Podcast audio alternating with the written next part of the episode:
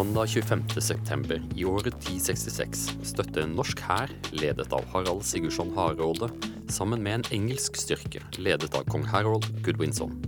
Utfallet av slaget skulle markere slutten på de norske vikingekongene, mens de engelske seierherrene skulle få uker senere skulle lide nederlag for en annen invasjonsstyrke ledet av Wilhelm Bastarden. Toje om Norge utforsker mennesker, objekter og hendelser som har bidratt til det moderne Norges arvestoff. I denne programserien går jeg, Asle Toje, og tre gjester inn i dybden på det som har dannet Norge i beste folkeopplysningstradisjon. Med meg her i studio for å diskutere Harald Hårråde og slaget ved Stamford Bridge er Ann Sanette Tsigaridas Glørstad, førsteamanuensis i arkeologi ved Universitetet i Oslo. Jon Vidar Sigurdsson, professor i skandinavisk middelalderhistorie ved Universitetet i Oslo og Jan Ove Ekeberg, skjønnlitterær forfatter og mannen bak en ny stor bokserie om Harald Hårråde. Og vi starter ved slaget ved Stiklestad i 1030. Jon Vidar Sigurdsson. Ja, Det er absolutt det riktige stedet å begynne denne her diskusjonen. For i det slaget så kjemper Olav Haraldsson sammen med, med Harald mot trønderske høvdinger og deres hær. Det som er viktig, er at disse trønderske høvdingene de kjemper egentlig alle sammen for Knut den mektige.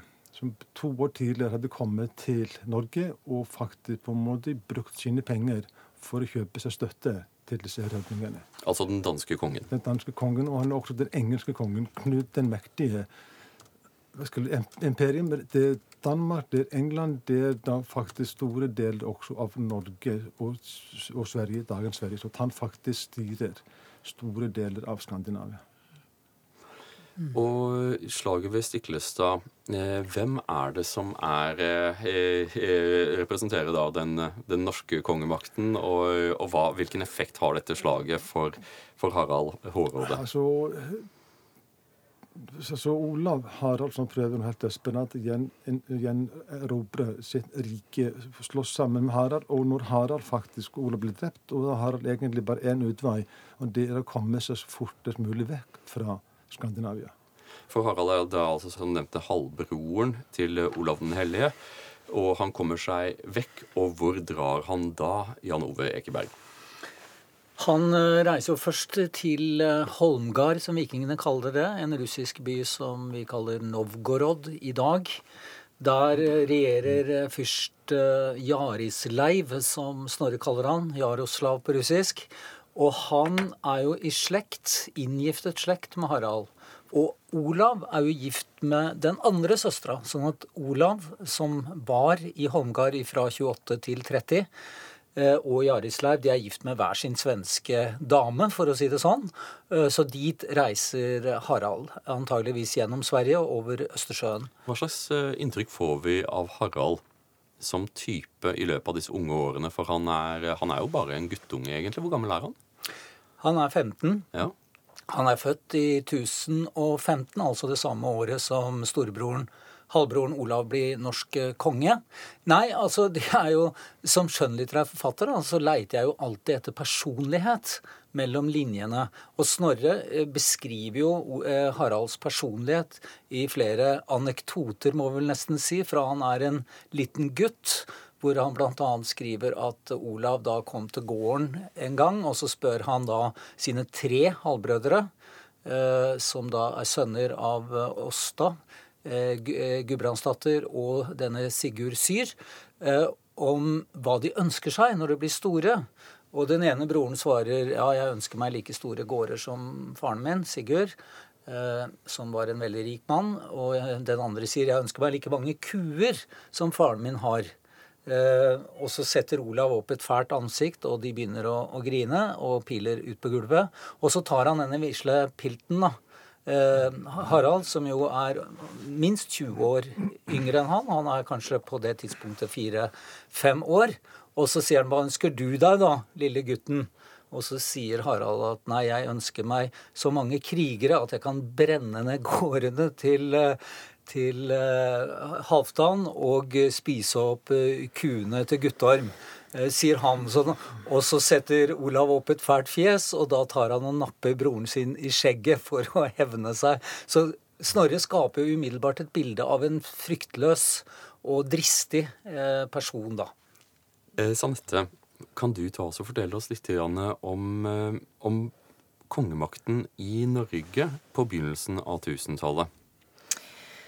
Ja, det som er litt interessant, eller det som på en måte fanger en del av essensen ved denne flukten fra Stiklestad ned mot eh, Novgorod og Kiev-riket, det, det, er for det første to ting. Det er at eh, kongemakten er ikke, den er ikke gitt. Den er noe man må kjempe for. Uh, er, det er ikke et arverettslig rettslig, foretagende man må på en måte bli bekreftet eh, via tinget og via de eh, maktrelasjoner som eksisterer i samfunnet. Og så viser det en annen ting, nemlig det at eh, Harald Hårråde gjør, som flere eh, før han, reiser til Kiev-riket for å hente støtte der. Det er der den militære og økonomiske støtten i, i, stor grad ligger. Det er på en måte ryggraden for veldig mange av kongene på 1000-tallet.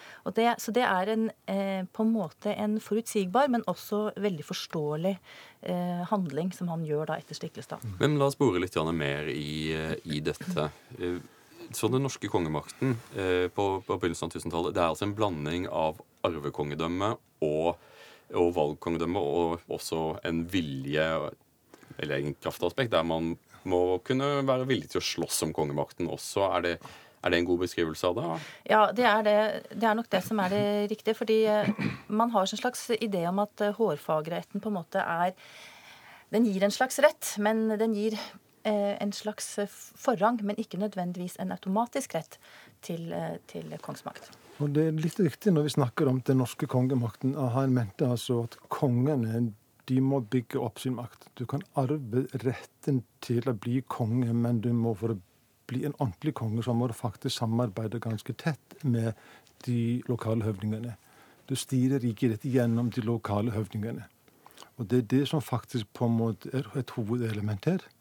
Altså Kongen alene styrer ingenting. Han må styre gjennom høvdinger. Og for å sikre seg høvdingene støtte, så må kongen gi dem gaver. Han må opprette vennskap med dem for å sikre seg deres lojalitet. Hva slags gaver er det man gir? Det er jo både snakk om penger, det er snakk om tillatelse til å drive kongens jordegods. Og dette vennskapet som vi snakker om, det må på ingen måte forveksles med dagens vennskap. Jeg tror ikke at noen av våre dagens venner ville, ville være villige til å ofre sine liv for oss. Men det måtte man gjøre for sine venner i middelalderen. Så dette vennskapet som vi snakker om, det er en, nesten en, uh, avtale mellom to individer. Du støtter meg mot mine fiender, og jeg beskytter deg mot dine uvenner.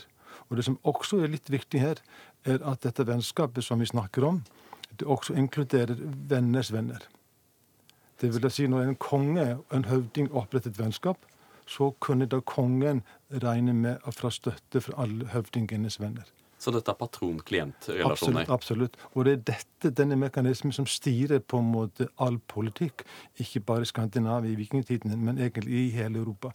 Du må ha ressurser for å kunne bygge opp din makt. Ja, men for det, det du nevnte innledningsvis, er at på den ene siden så har vi da, eh, som eh, Sanette påpekte, et, et, kongedømme hvor man må være villig til å, til å sette sin vilje igjennom for å, for å kunne bli konge. Men samtidig, samtidig, så er, dette, er Norge et område hvor danskekongens makt er, eh, er, sterk, og hvor en del eh, stormenn allerede har, har, knyttet seg opp imot den mektigste monarken i Nord-Europa, Knut den mektige. Ja, absolutt. Og det er noe med, altså, bare for å understreke altså, at fram til hva skal vi si, begynnelsen av 1000-tallet, så er faktisk det danske riket det strekker seg helt opp til Kristiansand eller Lindesnes. Altså Hele Viken-området fra Kristiansand ned til Göteborg, det er faktisk et dansk område. Så Oslo var, eh, var dansk territorium? I all hovedsak, ja, det er riktig. Og Vestlands kongedømme det på en måte er Vestlandet fra Lindesnes og opp til Sunnmøre. Og så faktisk på Jarle. Ja, men nå, nå, må du hjelpe oss litt, Jan, Jan Ove Ekeberg. For, for, vi er jo bare kommet til Novgorod, hvor en, en tenåring har dratt eh, til det stedet hvor hans ett, hans familie, har sine sterkeste ressurser.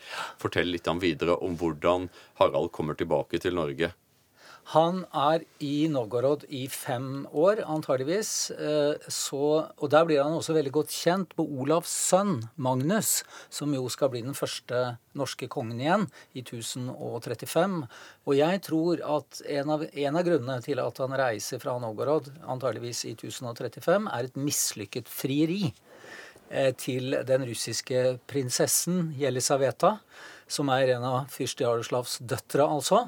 Og så litt sånn i bråsinnet så reiser han da videre til Holm, til Miklagard, eller Konstantinopel, da, for å vinne ære og berømmelse, som han da på et senere tidspunkt kan slå i bordet til denne fyrste Jaroslav, som ikke vil la ham få dattera si. Og det er sånn han kommer dit. Og Snorre skriver at han kommer dit i, spissen for en stor flokk med norske og islandske vikinger.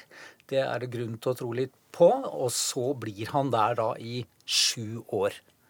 Sanette Lørstad, kan du fortelle oss litt om eh, Miklagards stilling i verden? Eh, for dette var vel eh, på mange måter verdens sentrum når, eh, når Harald kommer dit? Konstantinopel var en storby eh, som må ha vært fantastisk imponerende. Eh, selv for en som hadde vært i Kiev i mange år, eh, eller Novgorod. Og det var ledet av en keiser Eh, den bysantinske keiseren og hans hoff, som var et, et fantastisk eh, eksklusivt eh, følge. Mye av det sosiale var bygget opp dette, rundt dette hippodromen som ligger midt i, i, i dagens Istanbul, og som man fortsatt kan se rester av. Um, som var på en måte det politiske og sosiale sentrum for hele hoffet og den politiske virksomheten. Men hva skulle da et så mektig rike med, med norske vikinger? Hvordan var det slik at man kunne bare ta med seg båten og en, en gjeng med krigere og, og si hei, vi, vi, vi er på jakt etter arbeid? Hvorfor ville de ansette nordmenn til noe sånt? Ja, Dette har en eh, lang historie, egentlig. Den, den skandinaviske Eh, påvirkningen og innflytelsen nedover i, eh, langs de russiske elvene, den starter allerede på 800-tallet. Eh, og, og, etter hvert som disse samfunnene vokser seg sterkere, disse koloni- og handelssamfunnene vokser seg sterkere, så så kommer flere av de også i konflikt med lokale herskere, og også da med det bysantinske riket. Så allerede fra slutten av 900-tallet så etablerer den, eh, den, eh, keiseren i Konstantinopel, det han kaller for væringgarden, altså en egen hær, liv, liv, her, som skal være en, en stor bataljon da, i, i, hans armé. Og det er der eh, mm. rus kommer inn, altså den, den, den, skandinaviske befolkningen kommer inn som en slags kontingent eh, og en egen arméstyrke mm. inn i den eh, militære basen til keiseren. Så disse skandinavene de, var, de var, må ha vært kjent for å være gode til å slåss. Eh, og siden de da velges som, som sjokktropper og som, eh, som, eh, som, som, livgarde, så må de vel ha hatt et rykte for en viss lojalitet. Eh, eh, Jon Vidar Sigurdsson. Ja, altså Lojaliteten deres er det liten tvil uh, Hva skal vi si at Det er liten tvil. altså De hadde en veldig stor lojalitet overfor sin hersker. De hadde ikke noen sosiale bånd til noen andre enn herskeren. og Det er faktisk helt avgjørende her. Mm. Og de fikk da godt betalt. Og det som er litt viktig når vi snakker om Harald, er at han oppholder seg i Bysants, som helt åpenbart, som Sanette sa, på en måte er et veldig viktig punkt i det norrøne verdensbildet. Og det er ingen tvil om at det har vært særdeles god kommunikasjon mellom Norden og Bysants, fordi at Harald vender tilbake på et tidspunkt hvor det har oppstått et maktvakuum i Norden. I 1036 så inngår Magnus den gode og Hardaknud en avtale om at den av de som lever lengst, skal arve det andre sitt kongedømme.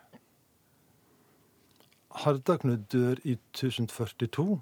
Den danske kongen. Og danske kongen, ja. Og mm. da faktisk blir Magnus den gode også konge i Danmark.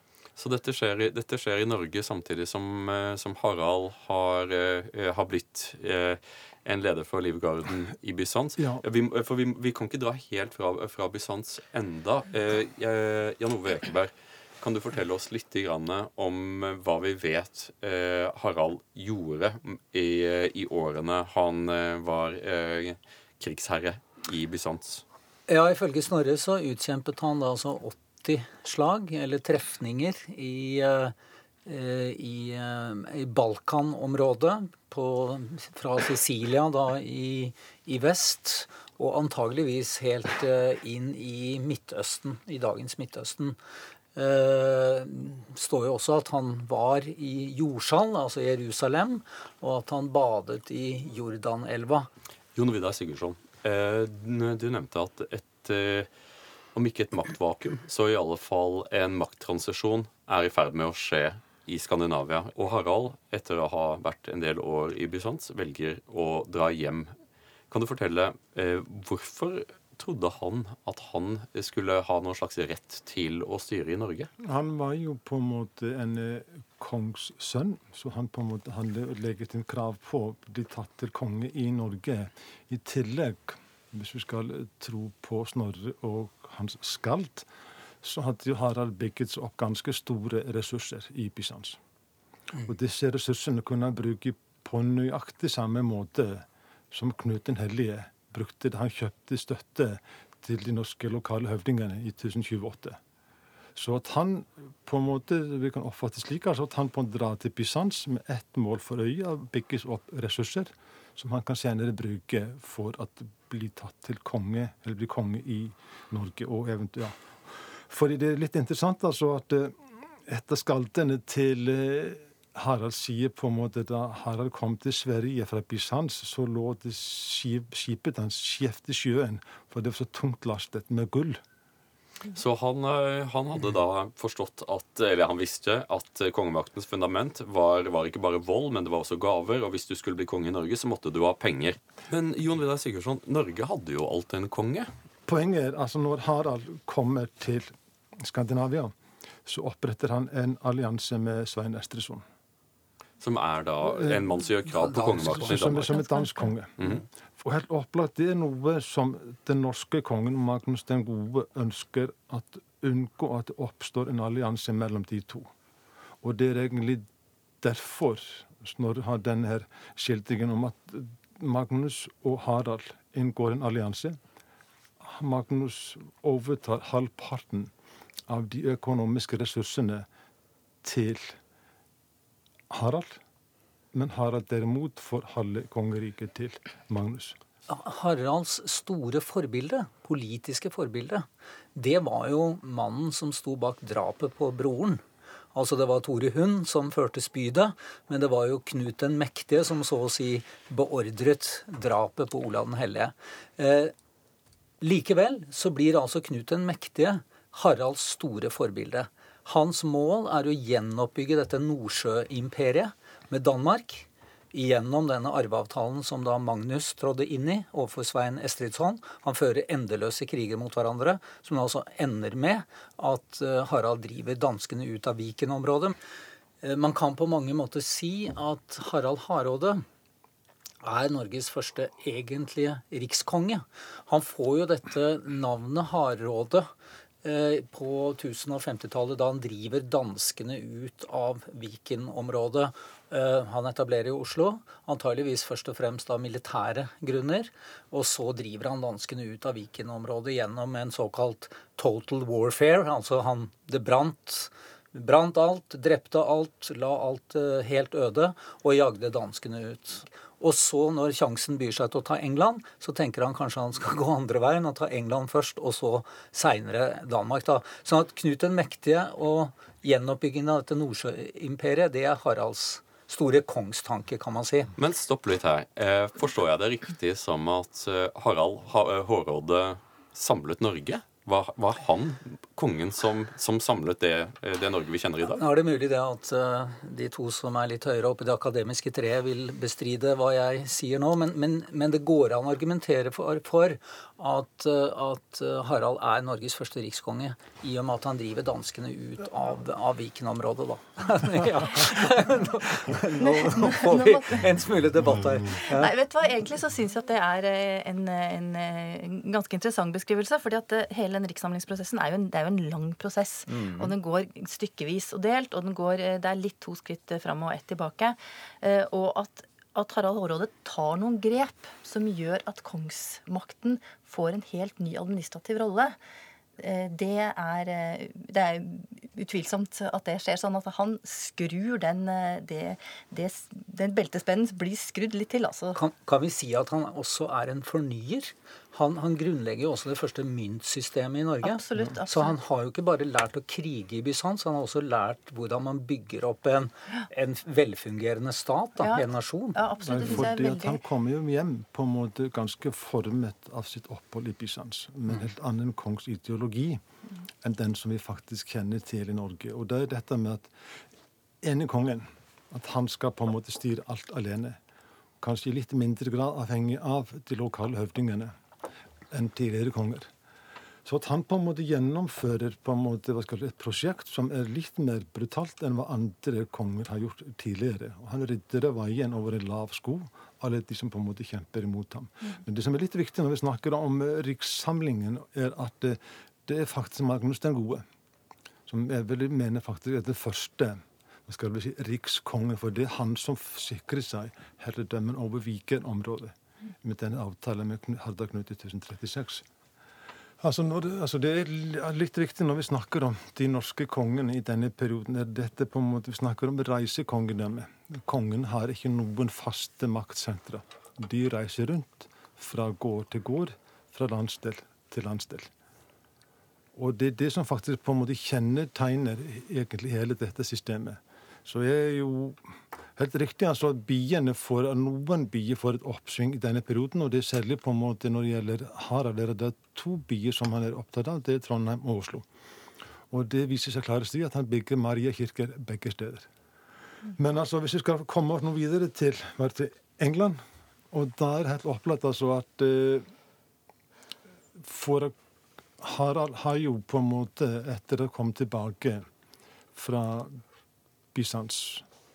Så regjerer han sammen med, sin, med Magnus i to år, så blir han enig konge fra 1047.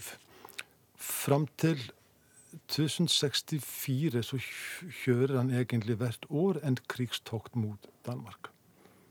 Hensikten er, som Jan Ove sa, å legge Danmark under seg før han eventuelt tok turen til England. Og i 1064, det er litt viktig, og så oppdager han etter et flere feilslåtte tokter til Danmark. De slår danske herren stadig, men klarer ikke å drepe Svein Estersson. I 1064 så inngår Svein Estersson og Harald en fredsavtale. Og helt opplagt hensikten med den og de inngår en avtale som går ut på at de skal ikke angripe hverandre sines riker så lenge begge er i livet. Og dette er opplagt taktikk fra Haralds side for å ha ryggen fri for å kunne angripe England. Du lytter til programmet Tøye om Norge her på NRK P2. Ja, for i England så har kongemakten også kommet inn i sin egen krise. Jan Ove Ekeberg, kan du fortelle oss litt om Harald Goodwinson og hans vei til, eh, til tronen i England? Ja, den blir jo særdeles kort, for han faller jo ganske fort. Eh, de er jo flere Gudvison-brødre. Eh, de er faktisk fem stykker. Og, og, og, alle er jo tronpretendenter, som det heter egentlig. Men alle dør faktisk, alle fem, i, i 1066. For det som skjer i England, er eh, egentlig veldig interessant.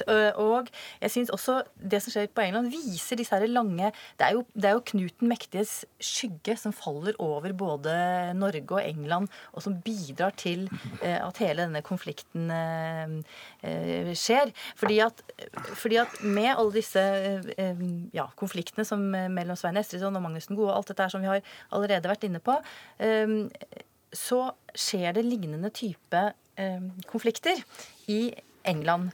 Eh, fordi eh, når Edvard bekjenneren kommer på tronen, og han da etter hvert eh, ser at han Altså hans periode går mot, mot, slutten, han blir jo etter hvert syk. Altså det som er Konflikten her er jo at Knut den mektige gjorde det mulig for Godwin-familien å få den maktposisjonen de hadde. Ja, For de har For sin de maktbase veld- i Øst-Anglia, som er innenfor Knuts område. Ja, og det er nemlig veldig interessant. For at det, før det så var de en aristokratisk familie, og det er vel og bra. Men, men det er først med Knut den mektige at de på en måte får den enorme eh, politiske posisjonen som de får i England. Hvor de, alle disse sønnene eh, plasseres rundt som jarler rundt omkring i hele England.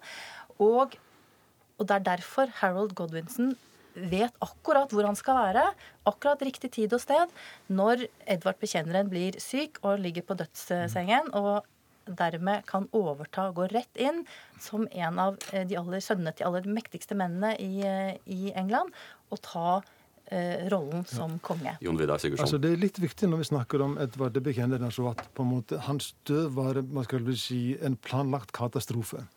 Han faktisk hadde, var gift med, ja, som Sanette sa, på en måte søsteren til disse her Godvis-sønnene. Men det viktigste var at han levde i sølibat.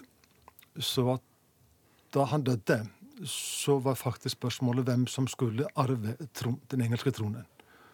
Og det er da faktisk, og dette er noe som faktisk alle vet.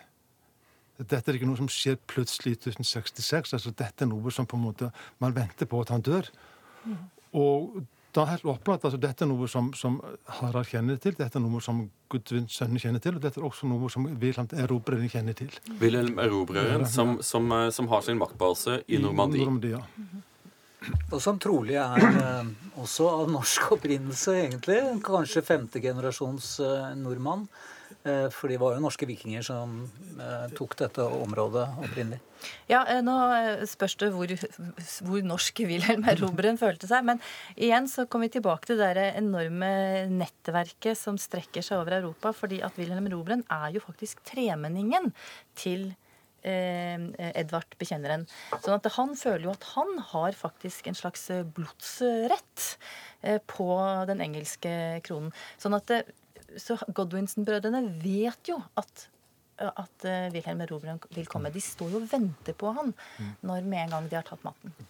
Og det er jo nettopp uh, derfor at det er ikke nødvendigvis, man er ikke nødvendigvis gode venner selv om man er brødre. Og det er nettopp det som skjer mellom uh, Harold og Tostig. De er jo brødre.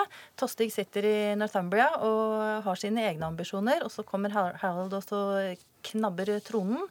Og, og dermed så blir det konflikt. Eh, Fordi at eh, de er ambisiøse og nådeløse begge to.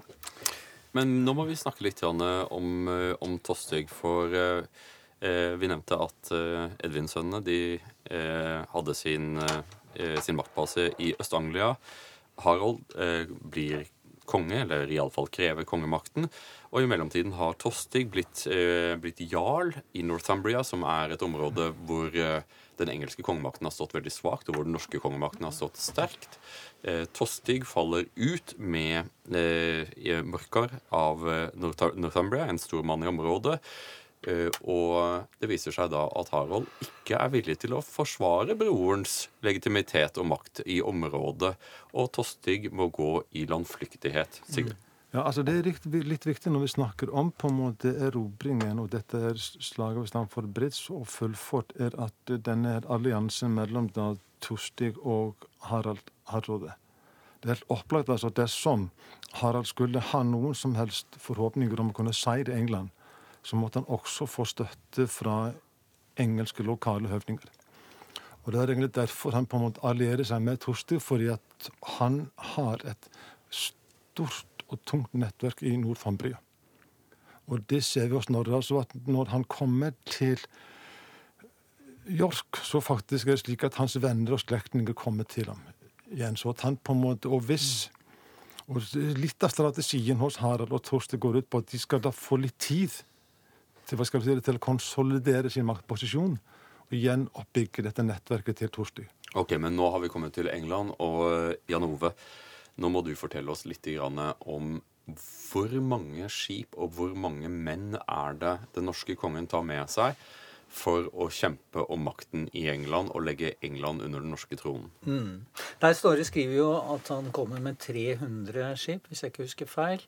Eh, Og det betyr nok at han har en hær på i hvert fall 3000 mann med seg. Og så har jo Tostig også vervet soldater både fra Skottland og fra Flandern. Eh, som, eh, som, også slutter seg til disse troppene da, når de landsetter i nærheten av York i denne elva Dervent, som et, De går vel antageligvis et stykke inn i landet. altså Stanford Bridge ligger jo ikke helt ved kysten, men de kan følge denne elva opp dit. Og der landsetter de troppene sine på begge sider av elva. Antageligvis en hær på kanskje 4000-5000 mann. Altså betydelig her i denne tiden. La oss sette med så antall skip, altså 300 skip. Og hvis vi snakker om 40-50-60 personer per skip, så snakker vi om atskillig større her. Da snakker vi om flere titusen. Altså, ja. Så, så, det er noe som vi må ha i mente. Men, men også når det gjelder dette med Leidangen, da syns jeg også er veldig interessant. Altså, Ifølge uh, sagaene så er det slik at Harald utkaller Leidangen. Men ikke hele Leidangen. Han utkaller bare halve Leidangen.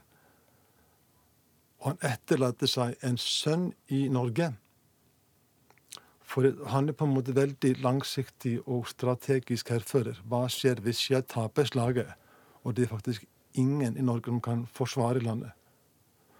Og Derfor tar han bare med seg halvparten av sin, hva skal du si, sin leidning. Og strategien er at de skal da bruke litt tid i Nord-Humbria for å bygge opp sin maktposisjon, samlet rundt seg engelske soldater, før de marsjerer videre sørover. Og Det som faktisk ødelegger rett og slett hele planen, dette slaget ved full fort, det er den 20. september. Og Det store slaget til Stamford Bridge er faktisk kommet noen fem dager senere. Og det er mye som på en måte sånn indirekte som tyder på at uh, Harald faktisk har vært godt klar over at altså, det var invasjon på gang.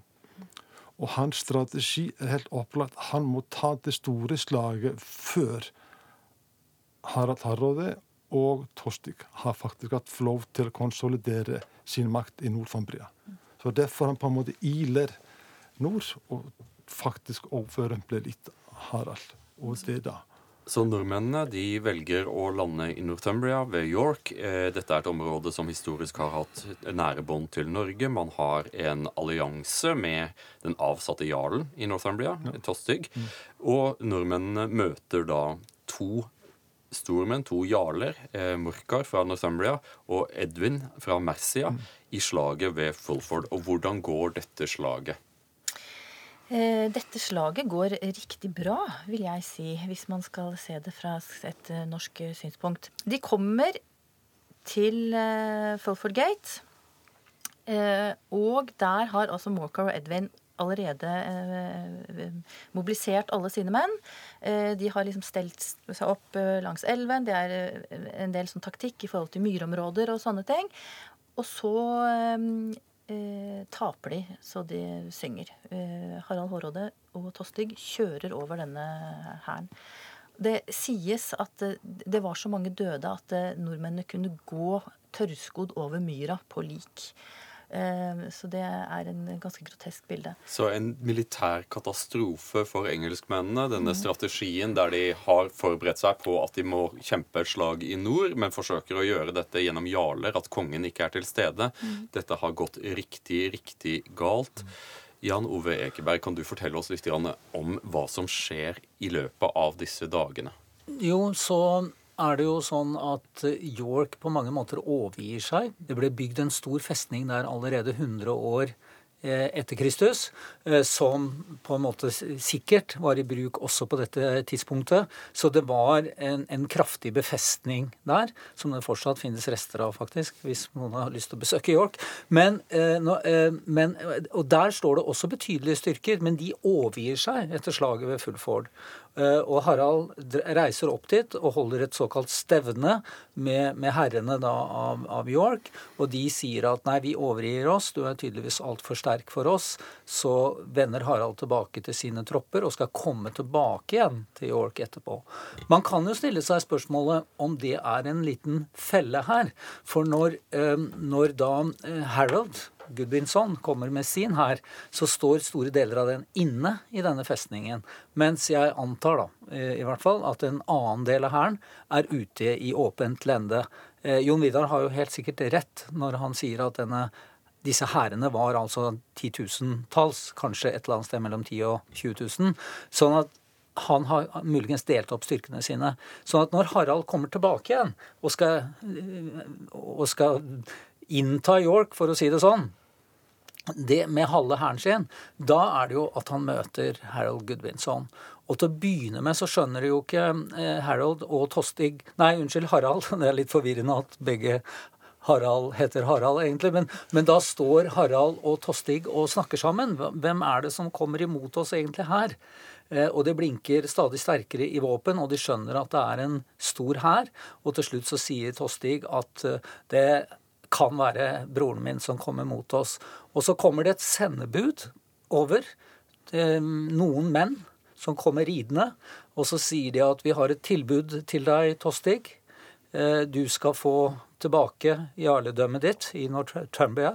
Og til deg, Harald, så har vi også et tilbud. Du skal få syv fot britisk jord. Og så mye mer som du er lengre enn andre menn. Altså, han var død og begravet i fiendens øyne. Eh, og så rir de tilbake, og så snur Harald seg mot Tostig, og så sier han hvem var egentlig det? Det var en liten mann, men han satt godt på hesten.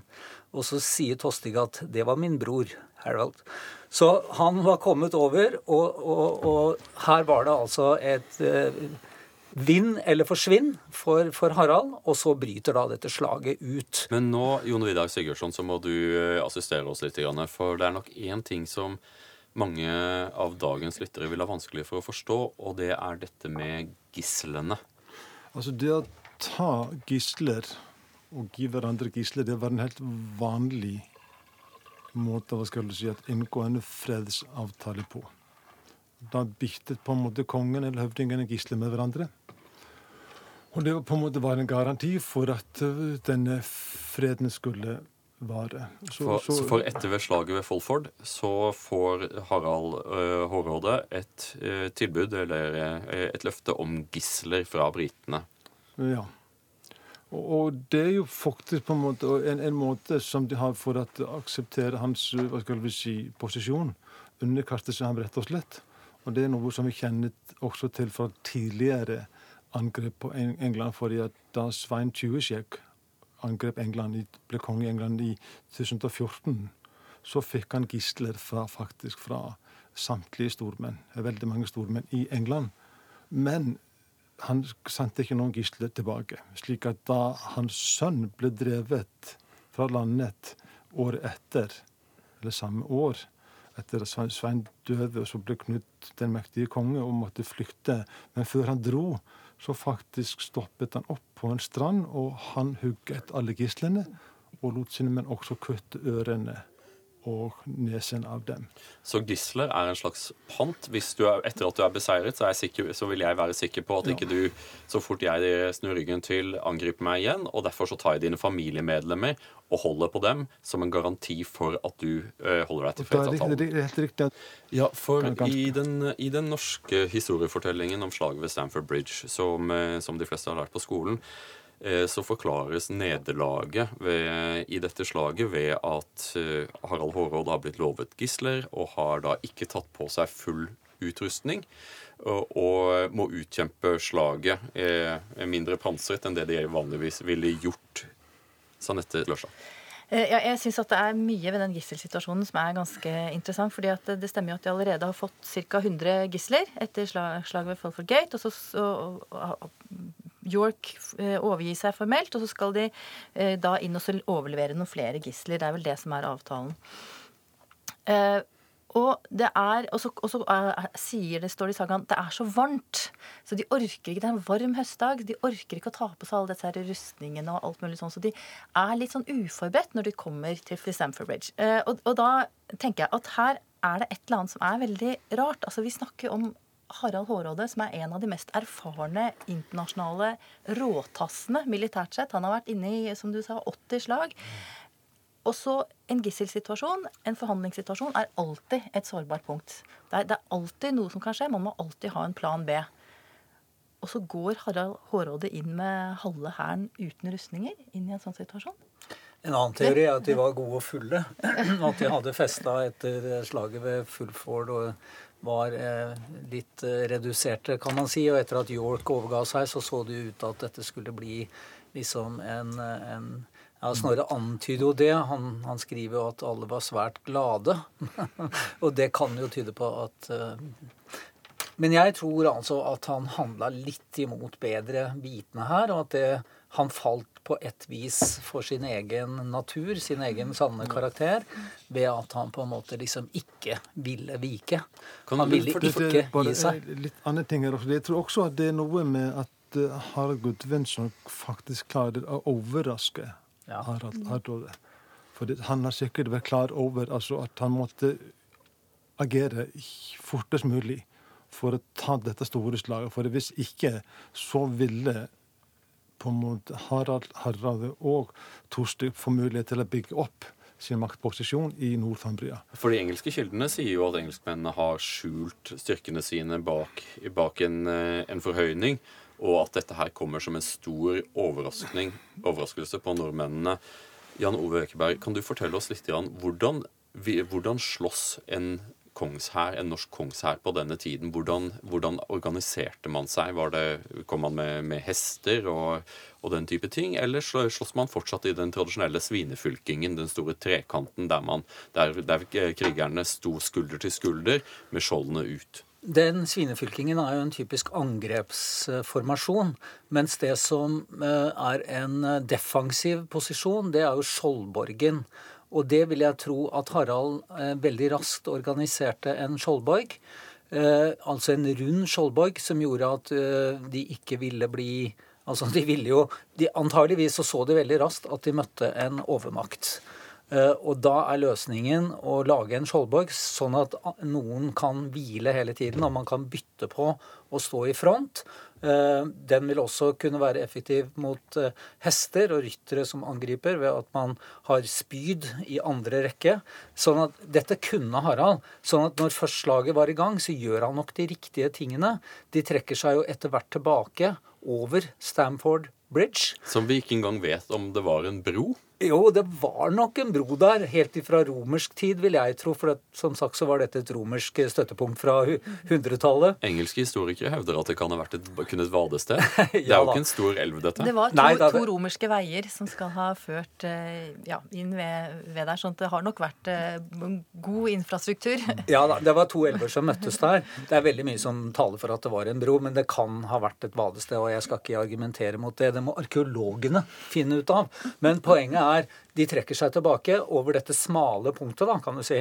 Og ifølge mytene så skal det jo ha vært én norsk berserk, eller muligens islandsk, eh, som holdt igjen hele den britiske styrken der, slik at Haralds eh, lenge nok til at Haralds hær klarte å organisere seg på nytt på den andre siden av elva. Men nå, det hjalp heller ikke. Og nå kommer vi til pilen som endret norsk historie. Ja, Morkinskinna skriver at det var en spydodd, men det er den eneste lille detaljen jeg har funnet som er forskjellig i de to alternative eh, norske kildene, da, altså Fagerskinna og Morkinskinna, eh, som er alternativer til Snorres eh, kongesagaer. Sånn at eh, det var antageligvis en pil. En, eh, en, en, tilfeldig pil. Man skjøt jo piler opp i været, og så datt de ned over fienden, som treffer eh, Harald i halsen og dreper han momentant, antageligvis. Ja, for når, eh, når, Harald blir rammet i halsen av pilen, så kollapser det hele. Og hvor mange blir drept, Jan Ove Ekeberg? Antageligvis veldig mange, fordi at det, det kollapser ikke helt. Det kommer eh, to nye slag, egentlig, etter hvert som nye hærer settes inn. Og, og Tostig han tar jo definitivt ikke imot tilbudet om et amnesti fra broren. Han, han går på med sin egen hær, også etter at Harald er drept. Eh, og den norske hæren også, sånn at slaget varer en god stund etter at Harald er død. Men eh, overmakten gjorde jo at de norske måtte trekke seg tilbake. Nå kommer det jo til en våpenhvile etter slaget. Eh, Men det er først etter at mesteparten av den norske hæren er blitt tilintetgjort? Ja da. Så hvis vi stoler på, på Jon Vidars tall, og det er det vel grunn til, så kan det ha falt altså mange, mange tusen Eh, vi ser jo veldig sjelden tapsrater i slag som er særlig over 15-20% faktisk. Det, det, finnes eksempler på det. Men la oss si at tapsraten her var 20-25 så er, snakker vi altså kanskje om en 3000-4000 mennesker som ble død på, på, på, på Harald og Tostig sin side. Og sikkert like mange på engelsk side òg. Dette var en kamp eh, mann mot mann, eh, sånn at kjøttvekta var ganske avgjørende i veldig mange tilfeller her. Så det falt mange, mange tusen mennesker den men, dagen. Men, men stopp en halv. Vi vet jo fra historien også at en, en, en hær som, eh, som, som, på, som legger, legger, på flukt, kan jo ofte ende opp i en masseslakt. Og vi har jo fra Snorre at 300 skip seiler ut. Og hvor mange er det som ifølge sagaene får komme tilbake? 24, står det. 24, så, eh, så det, kan jo også gi en indikasjon på, på, på, på nederlagets skala. Mm. Ja, nei, det er eh, ikke tvil om at det er en eh, ganske voldsom nedslaktning man ser. At de taper eh, ganske grundig. Eh, sånn at Olav Kyrre får lov å ta med seg da liket av Harald Hårråde tilbake først til Orknøyene, før han da drar tilbake igjen til, til Norge. Du lytter til programmet Tøye om Norge her på NRK P2.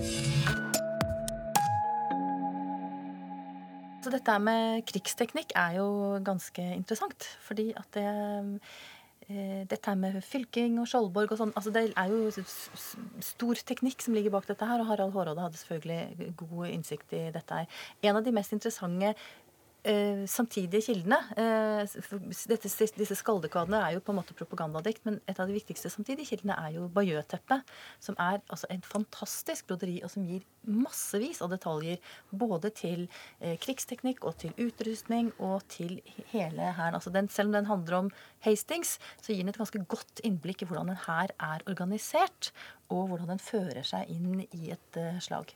Ja, for her det, har vi kommet til det punktet at i, ved Stamford Bridge har den norske kongen falt. Eh, Harald Gudvinsson, som var, eh, som var forlagt helt sør eh, og ventet på at Wilhelm Bastarden skulle, eh, skulle angripe, har eh, ifølge engelske kilder marsjert over 200 km eh, med hæren sin. Utkjemper dette slaget mot nordmennene, vinner. Får et par dager senere beskjed om at Wilhelm er på vei og snur hæren sin og marsjerer tilbake til sin skjebne ved Hastings. Og her må jeg vel eh, kunne si, og, og, og Jon Vidar Sigurdsson, du kan kanskje ta og hjelpe meg litt her. For meg så virker det veldig usannsynlig at, eh, at, en, at en engelsk hær ville kunne klare å gjennomføre flere tusen mann, gjennomføre en slik springmarsj på så kort tid eh, og, og, være i stand til å utkjempe slag. Og dette er jo en av de store historiske disputtene om hvorvidt det var den samme hæren. Ja, altså, Det er jo ganske omdiskutert. Og som du sier, slaget til Stamford Bridge det foregår den 25. september. Og slaget til Hesting 14. oktober. Så vi snakker om hva skal vi si, to og en halv, tre uker. Datidens kalender? Om det er sannsynligvis har en stor hva skal vi si, stor del av hans hva skal vi si, Harald sånn kjernekrigere fulgte ham. Hus, huskarlene hans ja, da, er altså da de... Det, det, som omtales som Finkmannled, altså på en måte det er som profesjonelle krigere. Hva han har klart å mobilisere på veien, vet vi ikke. Men eh, Så dette er fremdeles et ganske åpent spørsmål. Og de engelske kildene de sier veldig, veldig lite om dette. her, Så det er ja, alle teorier omtrent like gode eller dårlige. Jan Ove Ekeberg, eh, 1066 er eh, et skjebneår i norsk historie, i britisk historie, europeisk historie. Kan du fortelle oss litt om hvordan man ser på slaget ved Stamford Bridge i engelsk historieskrivning? For det er jo, sett fra britisk eller engelsk perspektiv, så er det jo en, en stor seier over en stor vikingehær. Eh, en, en sterk opposisjon. Mm. Men den seieren blir veldig kortvarig. Mm. Det, det, er jo på mange måter en slags begynnelse på, eller en fortsettelse av nasjonsbyggingen i England også. fordi at på dette tidspunktet så har jo ikke England ett kongedømme. Det er jo til og med tre ganske ulike folkeslag som eh, befolker denne øya i det er den anglosaksiske på, på, østsiden av England, kan du si. Og så er det The Britons, som de heter, på, på vestsiden, altså ut mot Iskesjøen. Og så er det skottene i nord. Sånn at det Wilhelm gjør når han erobrer dette anglosaksiske eh, engelske riket, da, det er starten da på en samling av Storbritannia. Sanette Lørstad, kan du fortelle oss litt om hvordan slaget ved Stamford Bridge påvirker den historien som følger i Norge? Altså jeg, vil, jeg, vil, si at Den aller viktigste eh, effekten egentlig av Stamford Bridge, det er jo det setter et punktum for en 200 år lang eh, konkret maktkamp, eller trekantdrama, nærmest, mellom England og Danmark og eh, Norge. Men jeg syns det er litt morsomt, Asle, hvis jeg kan få lov til å nevne det, at, at Olav eh, altså Haralds sønn, han lover jo britene for å få med seg den farens døde kropp til Norge, at Norge og nordmenn aldri skal vise seg med våpen i Storbritannia igjen. Og det løftet har vi da sannelig mm, holdt. ja, men det var, det var, jo riktig.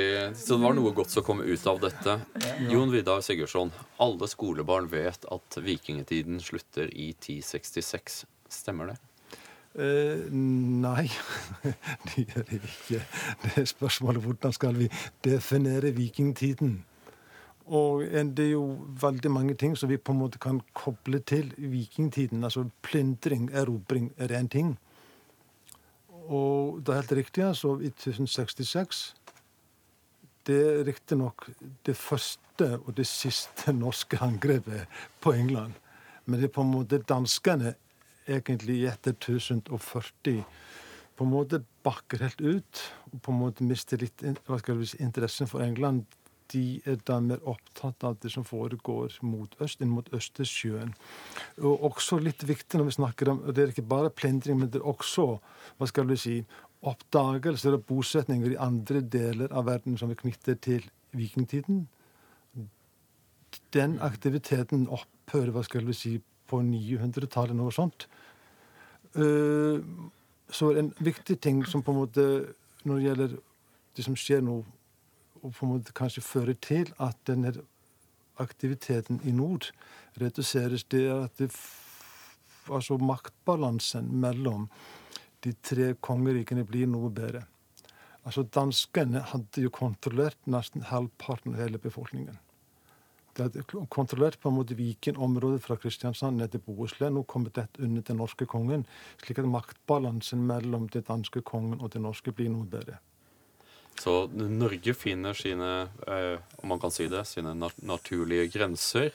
Vår ekspansjonstrang til England ender, i alle fall eh, ikke helt. Magnus Berfødt har jo to store felttog i 1098 og 1103 til Irland, men i alle fall i England. Harald Hårråde eh, blir ført tilbake til Norge og begraves på Elgseter kloster. Og de som ønsker å besøke han, kan eh, kan eh, gå ut på en motorvei et eller annet sted i Trondheim. Eh, Sanette? Ja, der ligger han veldig uglamorøst. Ligger han under asfalten et eller annet sted der, så da kan man jo prøve å lokalisere det. Jeg tenkte litt på dette med avslutningen på vikingtiden. Når er det den egentlig skjer? Vi tenker jo ofte på vikingtiden som erobringsperioden. ikke sant? Altså Vi er ekspansive, vi drar utover. Men, men, det som også er veldig viktig, er jo denne kristningsprosessen som skjer. Uh, og den skjer på mange måter litt tidligere. Sånn at hvordan vi definerer når vikingtiden slutter, det kommer helt an på hva slags type tema vi synes er viktig. da. Sånn at eh, uh, allerede fra slutten av 900-tallet så ser vi jo at de hedenske gravene forsvinner. Og at kirken og kristendommen gradvis tar over. Jan Ove Ekeberg, jeg gir deg siste ord. Ja, altså Harald blir antageligvis gravlagt inne i Elgeseter eh, kloster. Eh, som jo forsvinner etter hvert. Det ligger like i nærheten av der dagens Studentersamfunnet i Trondheim ligger. Så der ligger han under asfalten et eller annet sted. Eh, og det diskuteres jo med jevne mellomrom om man skal begynne å leite etter han og ta han opp. Eh, da må man naturligvis ha en plan eh, for hvor man skal legge han. Så, men jeg er jo sterkt for det. Jeg syns kanskje at uh, Norges siste vikingkonge, for jeg anser Harald for å være det, burde tas opp fra bakken og legges et sted. Og at det burde gjøres litt mer i krus på han. Han er riktignok lillebroren til Olav den hellige, men han er altså Norges siste vikingkonge og en veldig sentral person i vår nasjonsbygging. Og det, kjære venner, var alt vi hadde tid til i dag. I studio med meg her i dag var Sanette Glørstad, Jon Vidar Sigurdsson og Jan Ove Ekeberg. Dere kan lytte på dette programmet på din DAB-spiller og på nett på nrk.no. I neste program skal vi snakke om akevitten og historien bak det norske nasjonalbrennevinet.